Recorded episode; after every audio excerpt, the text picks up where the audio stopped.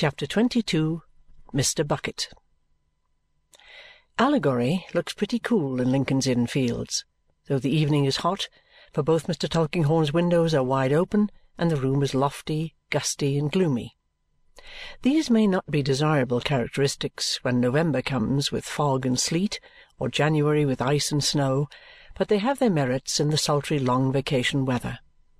They enable Allegory, though it has cheeks like peaches, and knees like bunches of blossoms, and rosy swellings for calves to its legs and muscles to its arms, to look tolerably cool to-night.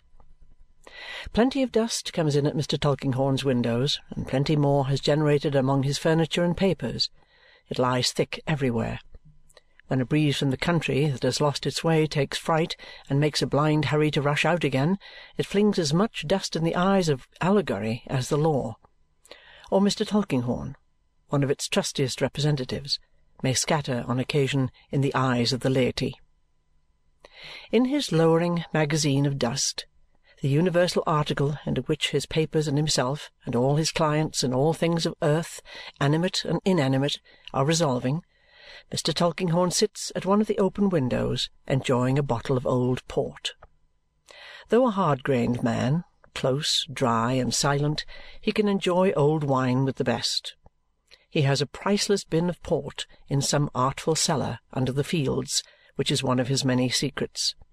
When he dines alone in chambers, as he has dined to-day, and has his bit of fish and his steak or chicken brought in from the coffee-house, he descends with the candle to the echoing regions below the deserted mansion, and heralded by a remote reverberation of thundering doors, comes gravely back, encircled by an earthy atmosphere, and carrying a bottle from which he pours a radiant nectar, two score and ten years old, that blushes in the glass to find itself so famous and fills the room with the fragrance of southern grapes.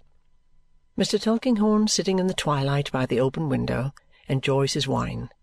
As if it whispered to him of its fifty years of silence and seclusion, it shuts him up the closer.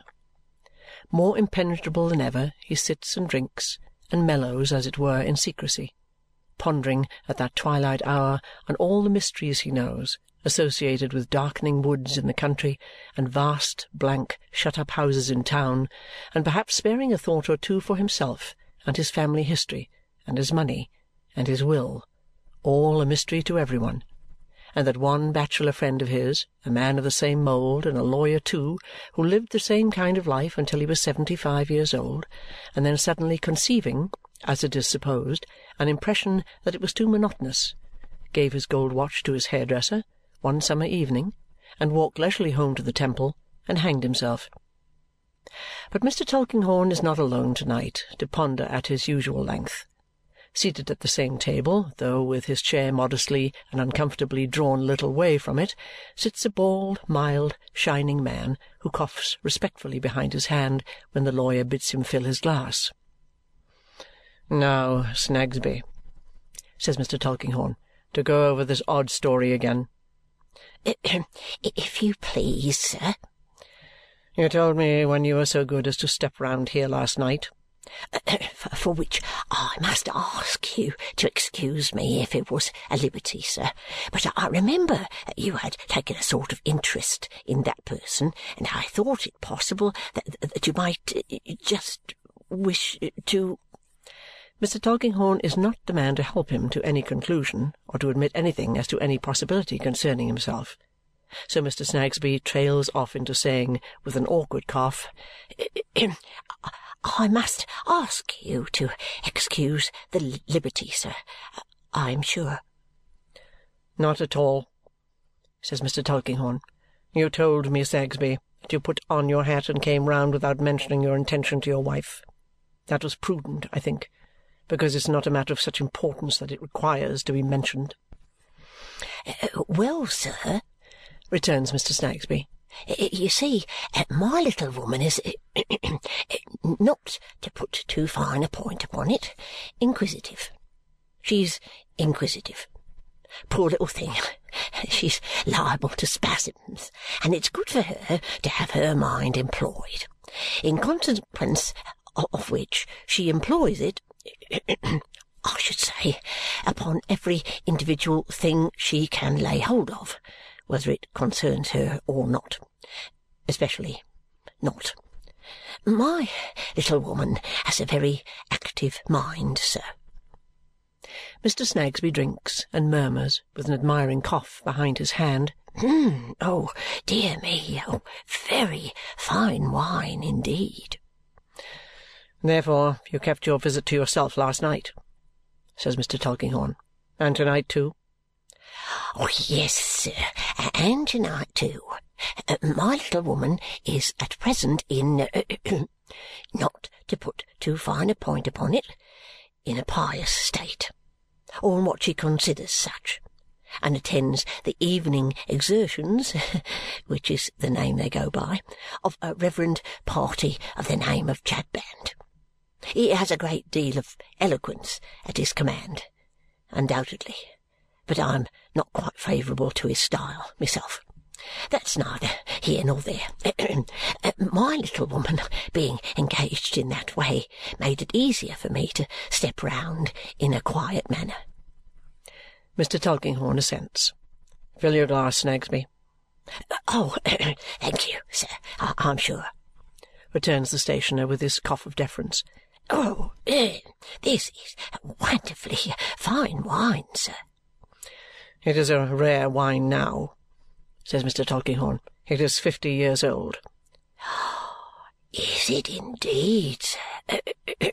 oh, but, but I am not surprised to hear it, I am sure.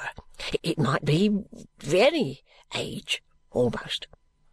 After rendering this general tribute to the port, Mr. Snagsby, in his modesty, coughs an apology behind his hand for drinking anything so precious.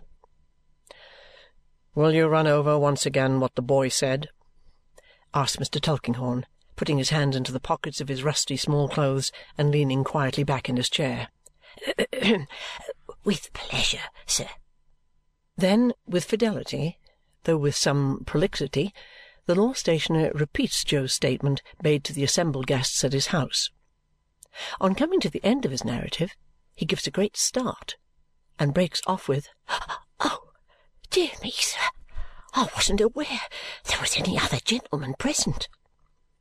Mr. Snagsby is dismayed to see, standing with an attentive face between himself and the lawyer at a little distance from the table, a person with a hat and stick in his hand, who was not there when he himself came in and has not since entered by the door or by either of the windows. There is a press in the room, but its hinges have not creaked, nor has a step been audible upon the floor. Yet this third person stands there, with his attentive face, and his hat and stick in his hands, and his hands behind him, a composed and quiet listener. He is a stoutly built, steady-looking, sharp-eyed man in black, of about the middle age, except that he looks at Mr. Snagsby as if he were going to take his portrait. There is nothing remarkable about him at first sight but his ghostly manner of appearing. "Don't mind this gentleman," says Mr. Tulkinghorn in his quiet way. "This is only Mr. Bucket. "Oh, indeed, sir," returns the stationer, expressing by a cough that he is quite in the dark as to who Mr. Bucket may be. "I wanted him to hear the story," says the lawyer, "because I have half a mind, for a reason, to know more of it, and he is very intelligent in such things. What do you say to this, Bucket?" "Hum! It's very plain, sir. Since our people have moved this boy on, and he's not to be found on his old lay, if Mr. Snagsby don't object to go down with me to Tom all Alone's and point him out, we can have him here in less than a couple of hours' time. I can do it without Mr. Snagsby, of course, but this is the shortest way."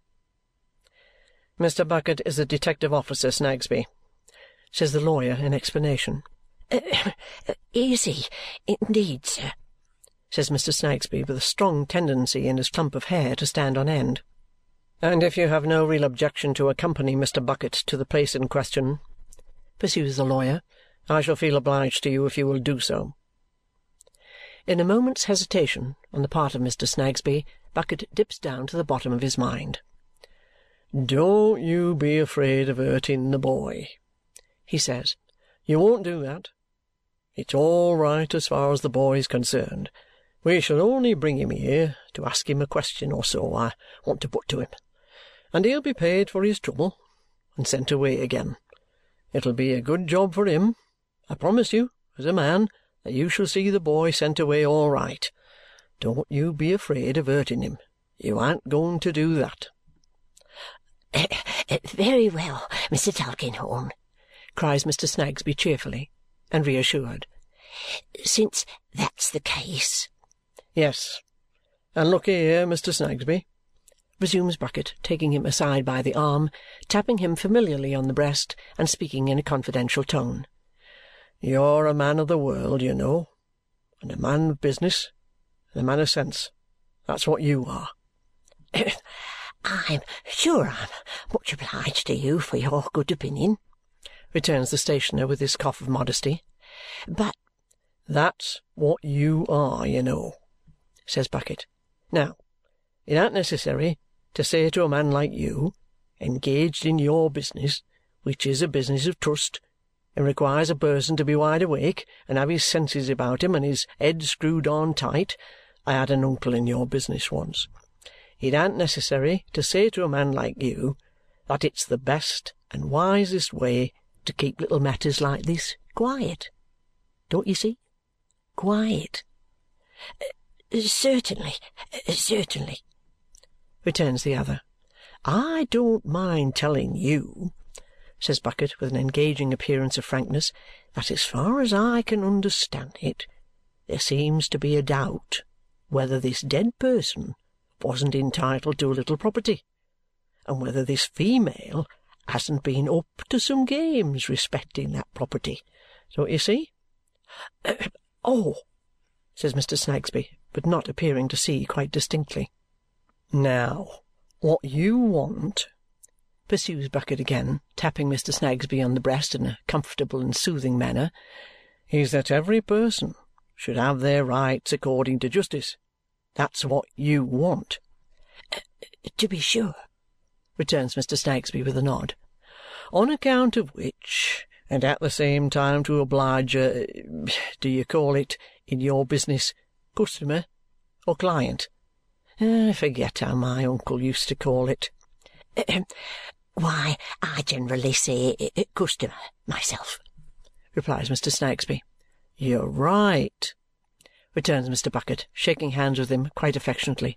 "On account of which, and at the same time to oblige a real good customer, you mean to go down with me in confidence to Tom all Alone's and to keep the whole thing quiet ever afterwards and never mention it to any one. That's about your intentions, if I understand you." Uh, "You are right, sir. You are right," says Mr. Snagsby. "Then here's your hat," returns his new friend, quite as intimate with it as if he had made it. "And if you're ready, I am." They leave Mr. Tulkinghorn without a ruffle on the surface of his unfathomable depths drinking his old wine, and go down into the streets. "You don't happen to know a very good sort of person of the name of Gridley, do you?" says Bucket in friendly converse as they descend the stairs. "No," says Mr. Snagsby, considering. "I don't know anybody of that name. Eh, why?" "Nothing particular," says Bucket. "Only having allowed his temper to get a little the better of him, and having been threatening some respectable people, he's keeping out of the way of a warrant I've got against him, which it's a pity that a man of sense should do." As they walk along, Mr. Snagsby observes, as a novelty, that however quick their pace may be, his companion still seems in some undefinable manner to lurk and lounge. Also that whenever he is going to turn to the right or left, he pretends to have a fixed purpose in his mind of going straight ahead and wheels off sharply at the very last moment. Now and then, when they pass a police constable on his beat, Mr. Snagsby notices that both the constable and his guide fall into a deep abstraction as they come towards each other and appear entirely to overlook each other and to gaze into space. In a few instances, Mr. Bucket coming behind some undersized young man with a shining hat on and his sleek hair twisted into one flat curl on each side of his head, almost without glancing at him touches him with his stick, upon which the young man, looking round, instantly evaporates. For the most part, Mr. Bucket notices things in general, with a face as unchanging as the great mourning ring on his little finger or the brooch composed of not much diamond and a good deal of setting, which he wears in his shirt.